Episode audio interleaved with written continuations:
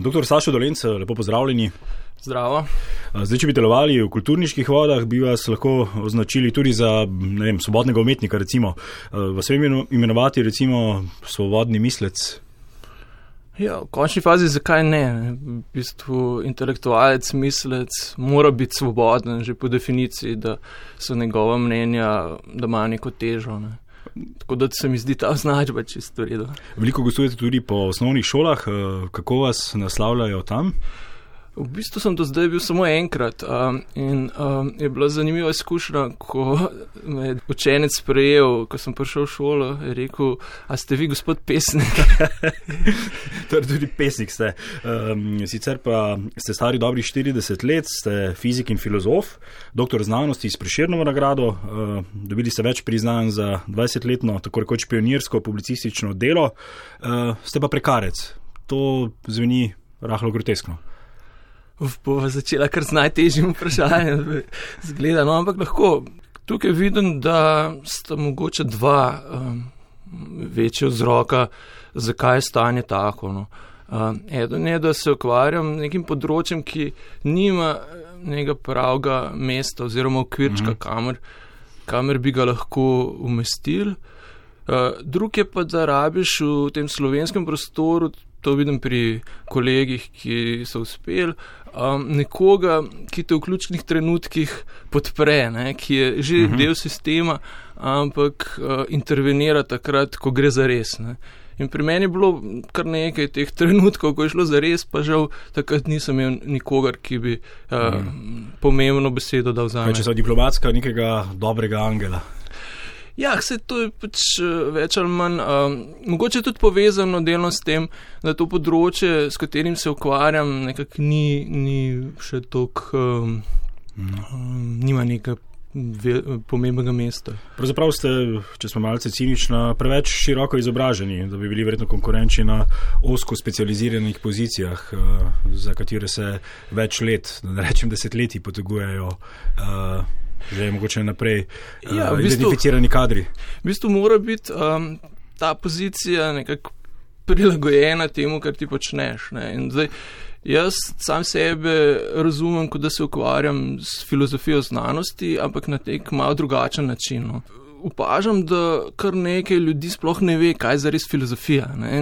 Ko kar jaz sam dojemam, je v bistvu pristop enak že od časov uh, antike naprej, ne? od takrat, ko je Sokrat hodil po uh, atenskem trgu in spraševal ljudi um, taka zelo običajna vprašanja, na katera so mislili, da poznajo odgovore. Ne? Ampak po, ko se je pogovor mal v zapletu, se je pa hitro izkazalo, da zares uh, ne vejo prav dobro, kaj je pravičnost, kaj je vrednota in svoboda in take besede. Ne?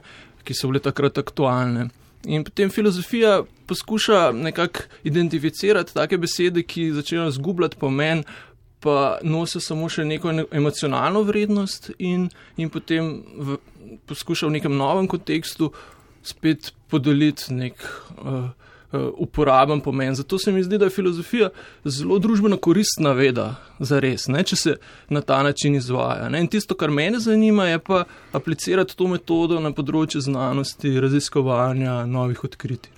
Ampak tudi vi ste poskušali uh, konkurirati na nekaterih razpisih, recimo uh, tudi v javnosti je bilo uh, omenjeno na filozofski fakulteti, šlo je za nek mednarodni razpis, uh, ker pa se je potem izkazalo tako tipično slovensko, da je bilo bolj ali manj vse dogovorjeno naprej. Uh, ja, to je pač neka specifika tega našega okolja, da poskušamo postaviti um, tudi take odločitve, ki so v nekem normalnem akademskem okolju, odločitve recimo celega učiteljskega zbora ne, ali pa um, tistih, ki imajo res neko veljavo na nekem področju, ne, koga bodo zaposlili za trajno um, in na podlagi nekega dolgoletnega dela. Ne. Um, no, pri nas pa poskušamo to narediti objektivno, ampak skrivnost, preko, nekih, preko nekih komisij. ja, so... Skrivnost te objektivnosti je pa, da res so uh, zelo subjektivne, ne? zato ker je vse odločeno že s tem, koga imenuješ v tako komisijo. Um, in potem nikomu ni treba prevzeti za res odgovornosti, ker se je vse zgodilo objektivno. Vsi pravijo, ja, kaj pa smo hoteli, tako pač to je objektivno lahko odločeno. Uh mhm. -huh. Vi ste sicer delno zaposleni na Inštitutu za kriminologijo, sicer pa se preživljate s publicistiko, lahko rečemo. Ja, tako nekako. Ja, pišem veliko, pa tudi uh, spletno stran Kvarka Dabra uh, urejam. In zadnje čase poskušam tudi malo poskušati s temi svojimi izdelki priti tudi na tem mednarodno sceno, ker sem pač že dve knjigi izdal v angleščini in um, poskušam še naprej. Ste človek iz znanosti, je pa mogoče vaša prednost v tej eh, debati, eh, da niso obremenjeni v te hierarhične zanke in različne parcialne interese posameznih fakultet in inštitutov. Eh, lahko morda zato kot neodvisni opazovalec eh, identificirate glavni problem slovenske znanosti. Zunaj tega, kar beremo recimo, eh, v časopisih, kar slišimo od eh, direktorjev različnih inštitutov, fakultet, eh, kako vi vidite trenutno stanje? Ja, meni se zdi, da je to akademsko okolje v Sloveniji preveč nekako zaprto, ne, da ljudje eh, vržejo sidro že takoj po diplomi ali pa po doktoratu nekje, zdaj večinoma grejo tudi v tujino za kakšno leto, ampak uh, ni pa prehajanj med inštitucije in tudi komunikacija, ki se vzpostavi tako, da ljudje krožijo. Ne. Tudi ne samo znotraj akademske sfere, ampak tudi na vzven, ne, da recimo grejo raziskovalci ali pa ljudje, ki delajo v industriji, potem tudi nazaj v, na univerzo in obratno. Ne kar je nekako uveljavljeno v tujini in no, običajno to plemeniti tako univerzo kot uh, industrijo. Uh, tega pri nas skoraj da ni. Ne. Potem takem financiranje ni ključen oziroma edini problem slovenske znanstvene sfere. Ja, sigurno je bistveno lažje, če več denarja, ne, manj problemov pride na dan. Ne. Ampak hkrati pa lahko kriza tudi um, uh, nek povod za premislek v malo globih uh, vzrokih stanja. Ampak se mi zdi, da, da se temu kar nekako izogibamo. No. Pa vendarle, naj celo vrhunski in mednarodno dokazani uh, znanstveniki so pri nas zaposleni za določen čas. Uh, na frekvenci X smo recimo v zadnjem mesecu govorili z dr. Matevžem Dularjem, uh, ki je na razpisu Evropskega raziskovalnega sveta pridobil kar 2 milijona evrov in pa z dr. Vesno Hodnik, ki je skupaj s kolegi pred dnevi objavila odmeven strokovni članek prestižni reviji Science, kaj imega skupnega, oba sta zaposlena za določen čas pač to je nek tak začaran krok. Ni nekih eh, pravih kariernih poti, ne, tako kot so tujini, ko pač si dobiš na začetku neko možnost, se izkažeš ali pa ne in potem pač strokovnjaki z tistega področja odločajo, a te bodo spustili na trajno pozicijo ali ne. To je nekaj pač, kar je ta akademski svet že zdavne pogrunto, da je neka še kar v redu pot. Ne. Pri nas tega nimamo. Ne se enkrat na zelo dolgo odpre neka pozicija in takrat se zaposli nekoga. Ne. Lahko je takoj v doktoratu, lahko je. Ne, pač ponovadi je tisti, ki je tisti trenutek najbližji ljudem, ki, ki delujejo na tistem oddelku ali pa kjerkoli in ti ga potem zberejo za nadaljnih 45 let. Mm. So pa zgodbe s temi razpisi seveda tudi dvorezen meč, ne? predvsem v družboslovnih uh, sferah, pa predvsem v pravu. Pričali smo številnim, eh, recimo temu zasebnim znanstvenim inštitutom, raziskovalnim ustanovam, namreč je v zadju tudi uh, vprašanje razpisov, ker če v javnem sektorju pridobiš nek dober razpis, uh, tudi kot vrhunski raziskovalec, uh, sam ne boš imel nič od tega. Ne? Če pa nek zasebni inštitut pridobi sredstva tako ali drugače, pa eh, je zgodba drugačna. Mislim, da je bila tukaj inflacija različnih inštitutov v zadnjem desetletju. Recimo.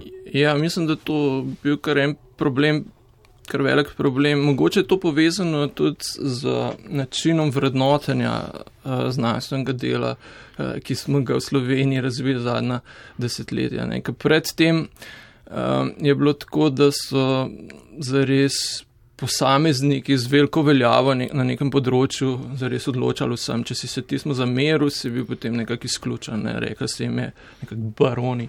Um, in uh, da bi s tem presekali, so začeli um, uvajati neko algoritemsko objektivno ocenjevanje. Um, -huh. eh, znanstvenega in strokovnega dela, ki pa spet odvisno od tega, kako ti te sicer so zelo taki preprosti algoritmi, ki se vam nekaj štajajo, kako jih naravnaš, ne? kaj, kaj ima koliko vrednosti. Ko nastaviš Excel, če sem malce ciničen. ja, ja.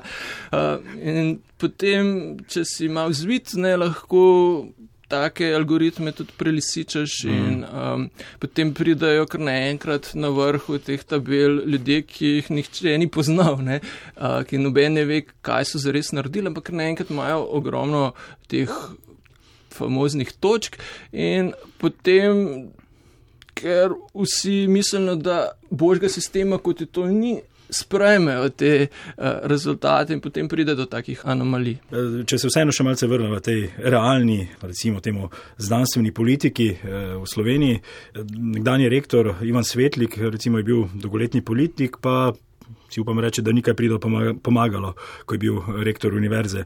Tudi aktualni premijer si je kariero in ogled ustvaril kot profesor prava.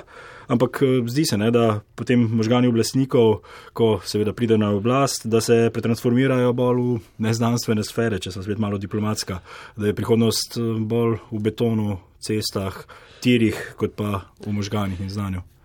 Ja, mislim, za politike, pa tudi za vodstvene ljudi na teh uh, akademskih inštitucijah je zelo pomembno, da imajo neko vizijo, kaj želijo doseči in hkrati tudi znanje in voljo in sposobnost in neko osebno eh, težo, ne, ki jim omogoča, da to dosežejo. Ne. In tukaj se mi zdi, da med ministri za znanost in ministricami bili zelo redki taki, ki, ki, so, ki so res imeli neko vizijo in so jo poskušali tudi potem udejanjati. Ne? In isto velja za rektore. Kolega mi je rekel, da vse pač nekoga, ki bi zares hotel izvesti uh, neko resno reformo, ne bi pustili na tako funkcijo. Ne? Nedeljski gost na valu 202 je fizik in filozof eh, dr. Sašo Dolenc. Eh, Sašo, kvarkadabra je ključna beseda, ki zaznamuje vašo kariero, življenje. Če se malo pošaljiva, eh, kaj ste pili v legendarni Brunarci, nekdanjem majhnem baru zraven fakultete za matematiko in fiziko, ko ste si domislili ime prvega slovenskega spletnega časopisa? Gre nekako za simpatično hokus pokus kombinacijo kvarkov in abrakadabre. Ja, tako nekako. Ja, v bistvu v to Brunarco smo hodili uh, na Malco, ko smo uh, študirali um, tam v bližnji, uh, v bližnjem poslopju fakultete za matematiko in fiziko. Um, Pili smo verjetno vem, čaj, vročo čokolado. Ampak um, so bila to res uh, taka, uh, zanimiva leta, ko je bilo vse še nekako odprto, smo lahko na novo izumljali. To je bilo leta 1997, je začela kakadabra. Ja. Tukaj je bil internet res še po vojih. Uh... Ja, spomnim se, ko smo šli potem tja čez cesto na inštitut Jože Štefan gledati, kaj to internet, kaj je bil predstavljen na nekem računalniku. In potem smo bili čisto fascinirani, ker je pač nekdo tam nekaj tipu pa rekel, zdaj sem pa tam v Južni Karolini, zdaj sem pa ne vem kje. In nis, vse je bilo tako še brez um, slik takrat in um, bilo zanimivo. Ne? Potem pa hkrati hmalo prišel ta svetovni splet, ki je omogočal uh, kombinacijo slik in teksta, to, kar poznamo zdaj kot internet. Ne? In v nekaj letih je tudi Kvarkadabra postala, lahko rečemo, velik hit. Že v takratni delovi prilogi polet uh, so zapisali, da ste dokaz, uh, da fizika ni samo stvar piflarjev in je lahko celo zanimiva. To je lep kompliment. Ja, takrat smo v bistvu prebili to prepreko, da, da je fizika nekaj, kar, um, za kar se moraš zelo potruditi, da sploh vsaj malo razumeš. Mm. Mi smo poskušali to, kar je nas zanimalo, no, vse čas uh, predstaviti širši javnosti na način, ki je bil zabaven, um, komunikativen in kjer smo se tudi mi veliko zabavali. In tudi to na nek način tudi nam omogočalo, da smo določene stvari, ki smo se jih učili na faksu, razumeli v malo širšem kontekstu. Ne. Takrat je bilo zanimivo, da nismo bili samo fiziki ne, v tej prvi skupini. In, da je bilo kar nekaj um, takrat še kolegov, študentov in študentk iz drugih področji znanosti in tudi področja filozofije. Tudi prava, recimo. Ne? Prava, ja. Zdajšnji ustavni sodnik. Mata Četo um, je nekaj časa zelo veliko sodeloval in pisal za Kvarka Dobro. Uh, tako da uh, tisto, ka, kar je bilo zanimivo od začetkov, je, da smo poskušali komunicirati ne, med vedami ne, uh -huh. um, in spostavljati nek dialog. Um, ki, ki je koristen za samo to strokovno skupnost in to nekako vlečemo še naprej. Meni je tudi zanimivo, da ste bili kot nekakšen eh, poljudno-znanstveni servis za bralce. Na začetku smo bralci namreč zastavljali zanimiva laična, pa seveda tudi resna poljudno-znanstvena vprašanja, eh, dileme. Eh, se spomnite, kakšne, kakšne zanimive teme, ki ste takrat eh, tako na laičen način razložili? Ja, to je bila neka zelo uh, dobra ideja. Ne vem točno, kdo je imel, da bi postavili. Uh, Takrat niti še ni bilo forumov, smo kar neko spletni uh, internet naslov uh, objavili, na katerega so lahko ljudje zastavljali strokovnemu svetu, kvar kadavre, smo objavili neko selekcijo starih uh, mož, nekega podeželskega poljudno-znanstvenega društva, uh, da lahko nam zastavijo um, katero koli vprašanje, ki se tiče. Um, Kol drugače znanosti. Ne. In potem so se vprašanja kar usula. Od tega, kakšne barve je elektron, kako doseči nevidnost, um, kakšna je hitrost teka časa in podobno vprašanje, ker se, se moraš um, kar malo zamisliti, kaj bi sploh odgovoril. Ampak mi se nismo izogibali določenih vprašanj, ampak smo poskušali um, na čim več odgovoriti sproti. In potem smo mislim, da po dveh letih, ko se je teh vprašanj nabralo, kar, mislim, in tudi odgovorov nabralo že kar veliko, smo jih uredili in zdali v knjigi. Mhm. Naslov knjige je bilo Zakaj ne bo modro? Mislim, da je bila takrat kar velika uspešnica. Doktor Saša Olinc, kaj je potem eh, ključno eh, za dober poljudno-znanstveni članek, dober poljudno-znanstveni odgovor, dobro poljudno-znanstveno zgodbo? Eh, strokovnost je seveda na prvem mestu, ampak ta sama po sebi še ne pritegne bralca. Ne? Ja, mislim, zmeraj je, pri, če, če pišeš za neko širšo javnost, uh, ključno, da sploh pridobiš bralca, ne, da, da sploh začne brati. Ne. To se pravi, rabiš na začetku neko. Uh, Nekaj, kar pritegne, zdaj je to neka informacija, zgodba ali karkoli. Nekako se moraš um, zbuditi pozornost. Potem moraš spostaviti strukturo tega, kar, o čemer govoriš, da imajo tisti, ki te berejo, občutek, da lahko sledijo, da, da nekaj razumejo. Ne? Tem pa mora biti na koncu še nek obrat, tako -hmm. da je mhm. bolj dramaturško, vse -hmm. skupaj zanimivo. Um, Kaj pa čustva? Čustva so pomembna, ja, um, zato ker um, sem ugotovil, da te zgodbice, ki sem jih zdaj napisal, že tam blizu 400. Mm -hmm. um, v bistvu so bolj eseji no, kot zgodbice, eseji v znanosti, um, da se jih da brati zelo na različnih nivojih. Ne. K, pač lahko jih berejo tudi uh, že osnovno šolci. Um, mislim, da v tretjem razredu sem že slišal, da je nekdo prebral uh, to eno od mojih knjig. Uh, in je imel nek občutek, da, da je nekaj razumel. Lahko pa berejo tudi uh, ljudje, ki imajo vem, akademsko izobrazbo in ime. Mogoče niso jim iste stvari zanimive, ampak vsak lahko najde nekaj, kar ga navdaja z užitkom, ko, ko, samo takrat, ko bere, ne, in hkrati tudi uh, dobi neko novo perspektivo na ločene področje. Um, je pa seveda internet in tudi ta široka dostopnost uh, interpretiranja, seveda tudi malce žal zabrisala te zdrave meje med znanostjo in pa paraznanostjo. Tudi v nekaterih naših medijih eh, je ta vse tanjša, moramo reči. Eh, redno nastopajo morda sicer formalno res izobraženi ljudje, eh, ki pa življenje in pogosto bolezni interpretirajo znanostjo in tudi zdravo pametjo s kreganimi argumenti. Kako vidite ta fenomen, ki je v zadnjih letih res morda že šel čez mejo? Ja, Seveda namigujem in na cepljenje, podnebne ja. spremembe, tukaj, še kakšna bolj ekstremna stališča. Tukaj treba paziti, da internet se nekako ne da kontrolirati. Ne? To se vsi zavedajo, da pač tam je na internetu je objavljeno marsikaj. Mm. Ampak beremo tudi v tiskanih ja, medijih, v raznih kaplicah zdravilnih. Točno to sem hotel reči, da v bistvu um, je pomembno, kaj je objavljeno v publikacijah, za katere se predvideva, da so šle čez neko urodniško um, uh -huh. sito. Ne? In če so tam objavljene taki dvomljivi uh, intervjuji in članki, ima tisto bistveno hujše posledice na, uh, uh na, na Eh, širšo javnost, kot če nek, nekje to na neki obskurni sprednji strani. Mm, ali pa nekem oglasniku. Ki... Ja, ali pa v glasniku. Tako da tukaj je res treba paziti in um, uredniško delo, eh, mislim, mora biti eh, močnejše. No.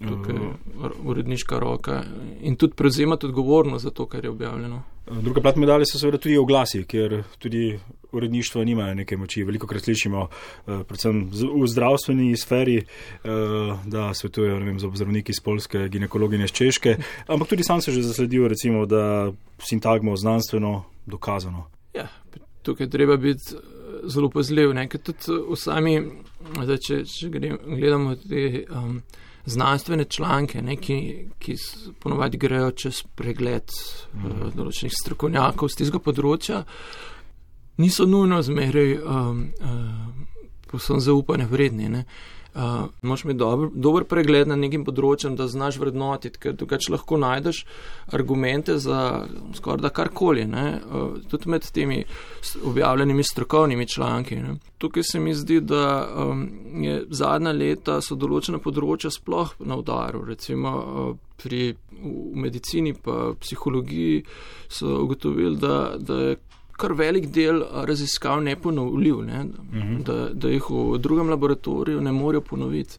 Se zdaj pač veliko debatira o tem, kako bi postril uh, določene uh, principe, kako sploh se izvajajo raziskave na določenih področjih, ker, recimo, ker je ta težna, da nekaj odkriješ, da nekaj objaviš, tako velika, da so ljudje delali, so preučevali marsikaj. Ne? In potem je na nekem oskem področju recimo uspelo nekaj videti, pa hkrati pa so pozabili, da so uh, raziskavo delali pa na bistveno širšem spektru nekih um, opazovanj in uh, Če ti izluščeš samo tisto, kjer ti je uspelo in tisto objaviš, ima to nek čez drug promen, kot če bi vse skupaj, kar si počel, objavil. Uh mhm. -huh. In tukaj zdaj, prihaja zdaj do teh napak. Uh mhm. -huh.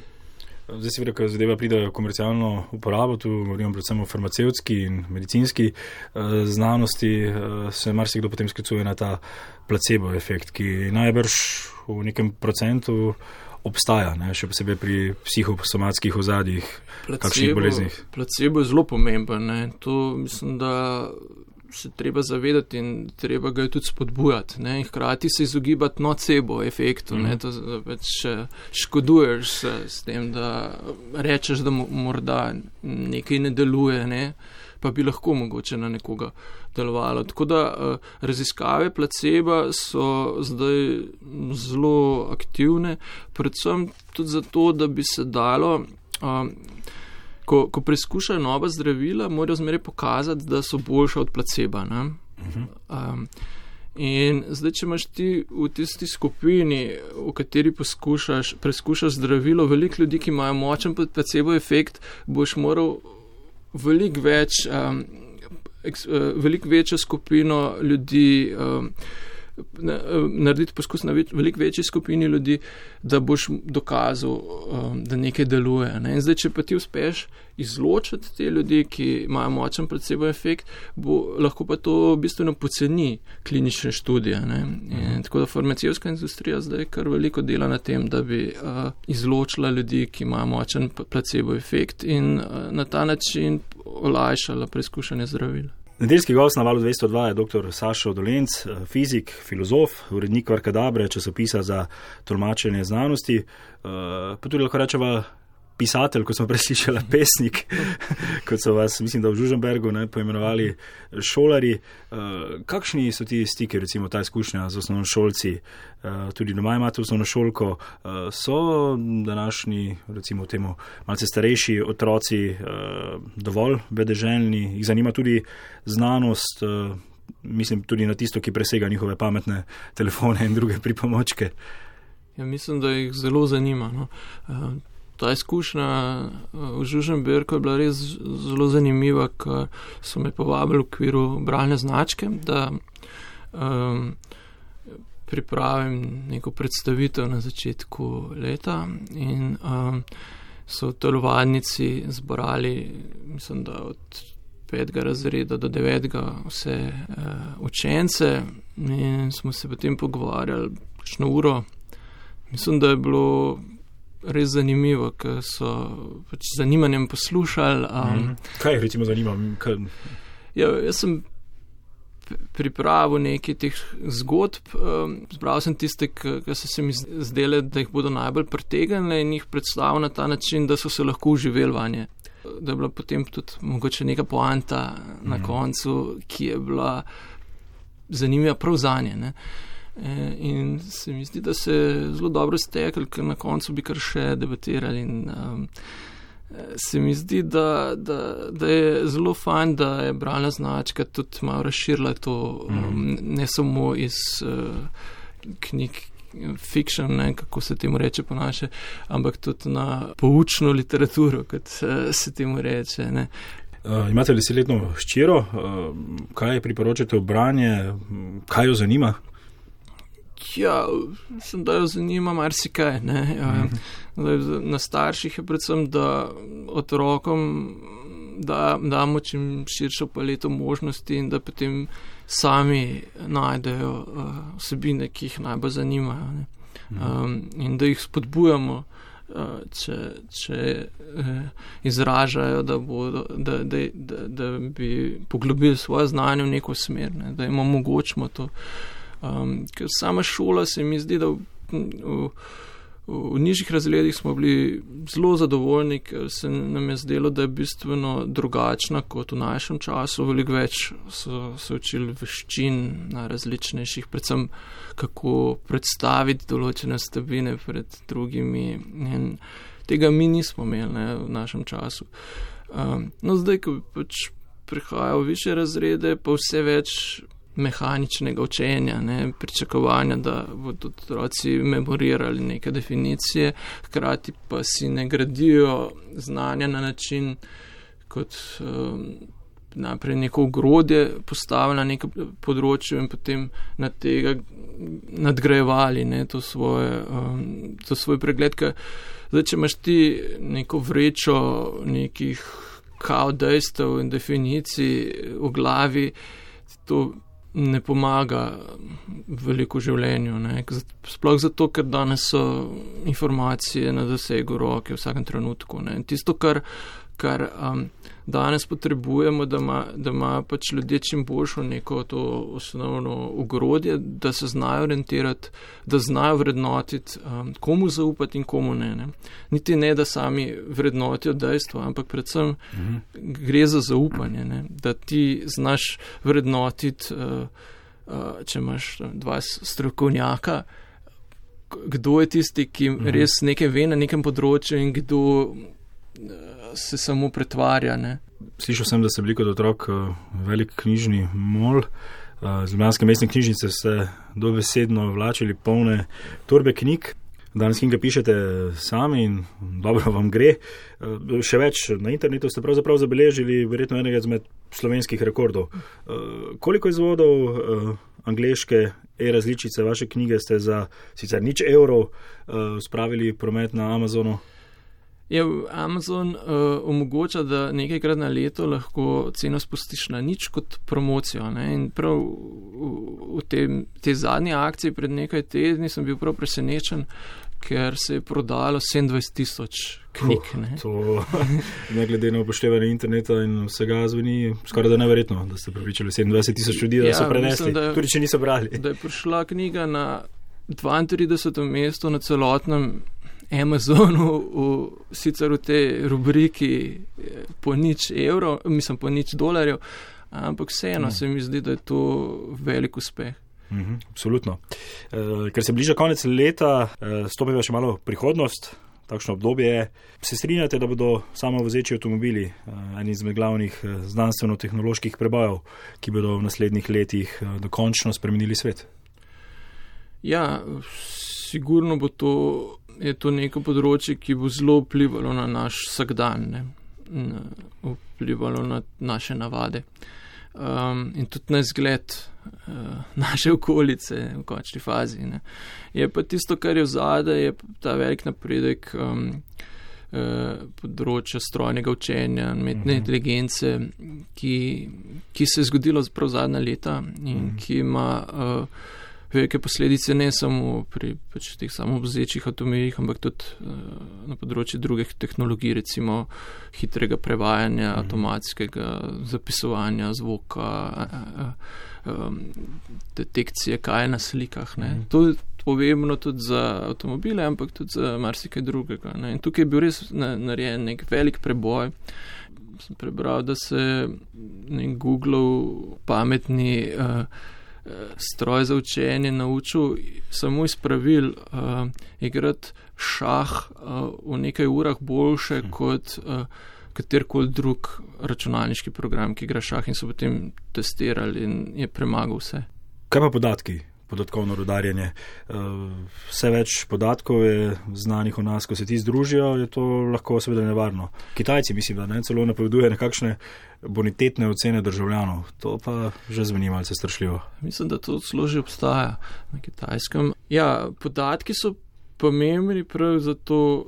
Strojno učenje, ki so nekako um, osnovni vir, kako se te pametni algoritmi učijo. Ne dokler nismo imeli res take množice podatkov, sploh, se sploh nismo imeli na čem učiti. Zdaj um, so zmožnosti um, nevronskih mrež velikih takšne, da, da se lahko marsikaj naučijo in brez teh podatkov uh, to ne gre. Ne. Zato te velike internetne firme skrbno varuje vse te podatke, ki so jih nabrale uh, skozi zdaj že desetletja svojega obstoja, ker jim pač prav to omogoča neko strateško prednost pred drugimi.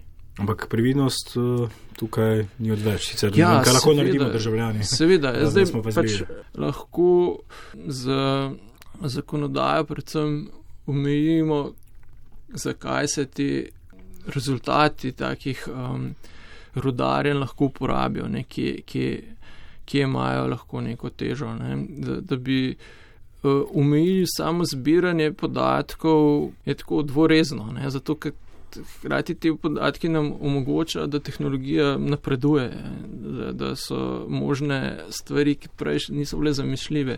Ampak hkrati pa treba tudi nekako um, zaščititi ljudi. Tukaj je treba najti neko pravo, pravo majo. Doktor Sašo Dolensko ste gostovali v podkastu Številke pri kolegu Slavku Jariču. Eh, ste zanimivo dejali, da moramo zemljo razumeti kot eh, vesolsko ladjo. Eh, zakaj? Ja, se to, to je že več um, ljudi uporabljalo to metaforo. Um, zdaj smo nekako kot civilizacija na planetu prišli do faze, da to, kar počnemo, ima globalne posledice ne, za, za cel planet. Tako kot pač, če bi bili na neki vesoljski ladji, kako skrbimo za to vesoljsko ladjo, je pomembno za naše preživetje. Zdaj, tudi naš planet moramo začeti obravnavati na ta način, da tisto, kar počnemo, ni brez posledic. Direktno vpliva in se moramo potem, moramo zmeri vzeti v zakup to. Uh, vi ste našo zemljo, svet doživeli tudi kot popotnik, bili ste celo v danes srečni Siriji. Ja, z uh, Lukom Mladičem smo še, mislim, da v študentskih letih potovali po tistih krajih. Kaj, od Istanbula do Kajra ali nekaj takšnega? Mislim, da nekaj, oziroma v drugo smer, od Kajra do Istanbula. Imam zelo lepe spomine na Sirijo, takrat je bila to taka malo zaspana dežela, kjer ni bilo veliko turistov, um, ampak bili tam zelo lepi gradovi, stare, antične, uh, pa še starejše. Um, uh, uh, ostanki so bili kar tako pač prosto dostopni, si lahko tam hodil. Mislim, da Luka celo najdel nek uh, strkovanc. Potem smo srečali tudi, mislim, da nekega arheologa, ki je deloval kot lokalnega, ki je deloval kot vodič takrat. Smo se kar nekaj družili, tako da je bilo zanimivo. In še nekaj zanimivo, slišal sem, da matematične olimpijade v nekdanji Jugoslaviji niso bile vaše edino tekmovanje. Se že kaj poskušate v judu? ja, judo sem kar nekaj časa treniral. Ja.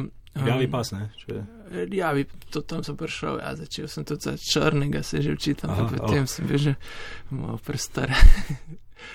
uh, ja, to so bili tako zanimivi časi. No. Uh, smo mm. potovali po, po Jugoslaviji, pa tudi po Italiji, tekmovali. In to, kaj koristi pri znanstvenem publicističnem delu? Um, Skozi se morate bojevati, to je res. Ne? Ja, ampak judo ima nek princip, temeljni je popusti, da zmagaš, ne? tako Aha. da moraš imeti svit. Eh, doktor Sašo Dolenc, eh, kako kaj doživljate praznike? Imate morda kakšen dober poljudno znanstveni nasvet iz vašega vesolja zgodb za naše poslušalke in poslušalce, za bodo kar naporni dnevi? Ja, na vsak način, ampak prazniki so hkrati tudi. Uh, obdobje, ko se veliko družimo s prijatelji in sorodniki. Ne? In prav znanost ugotavlja, da je eden od uh, pogojev za zdravo in dolgo življenje tudi to, da imamo čim boljšo socialno mrežo, da imamo čim več prijateljev um, poleg seveda zdrave prehrane, fizične aktivnosti in pa dobrega spanca. Uh, doktor Sašo Dolenc, uh, tudi vam obilo druženje na naslednjih dneh in seveda vse dobro v novi desetletki kvarkadabre in vašega poljubno znanstvenega dela in uh, kaj ne rečem, upam, da Ker se naslednjič srečamo v Valovskem studiu, ne boste več le prekarec. Ja, najlepša hvala za vse te želje in za povabilo. Um, upam, da se jih malo spet res srečamo.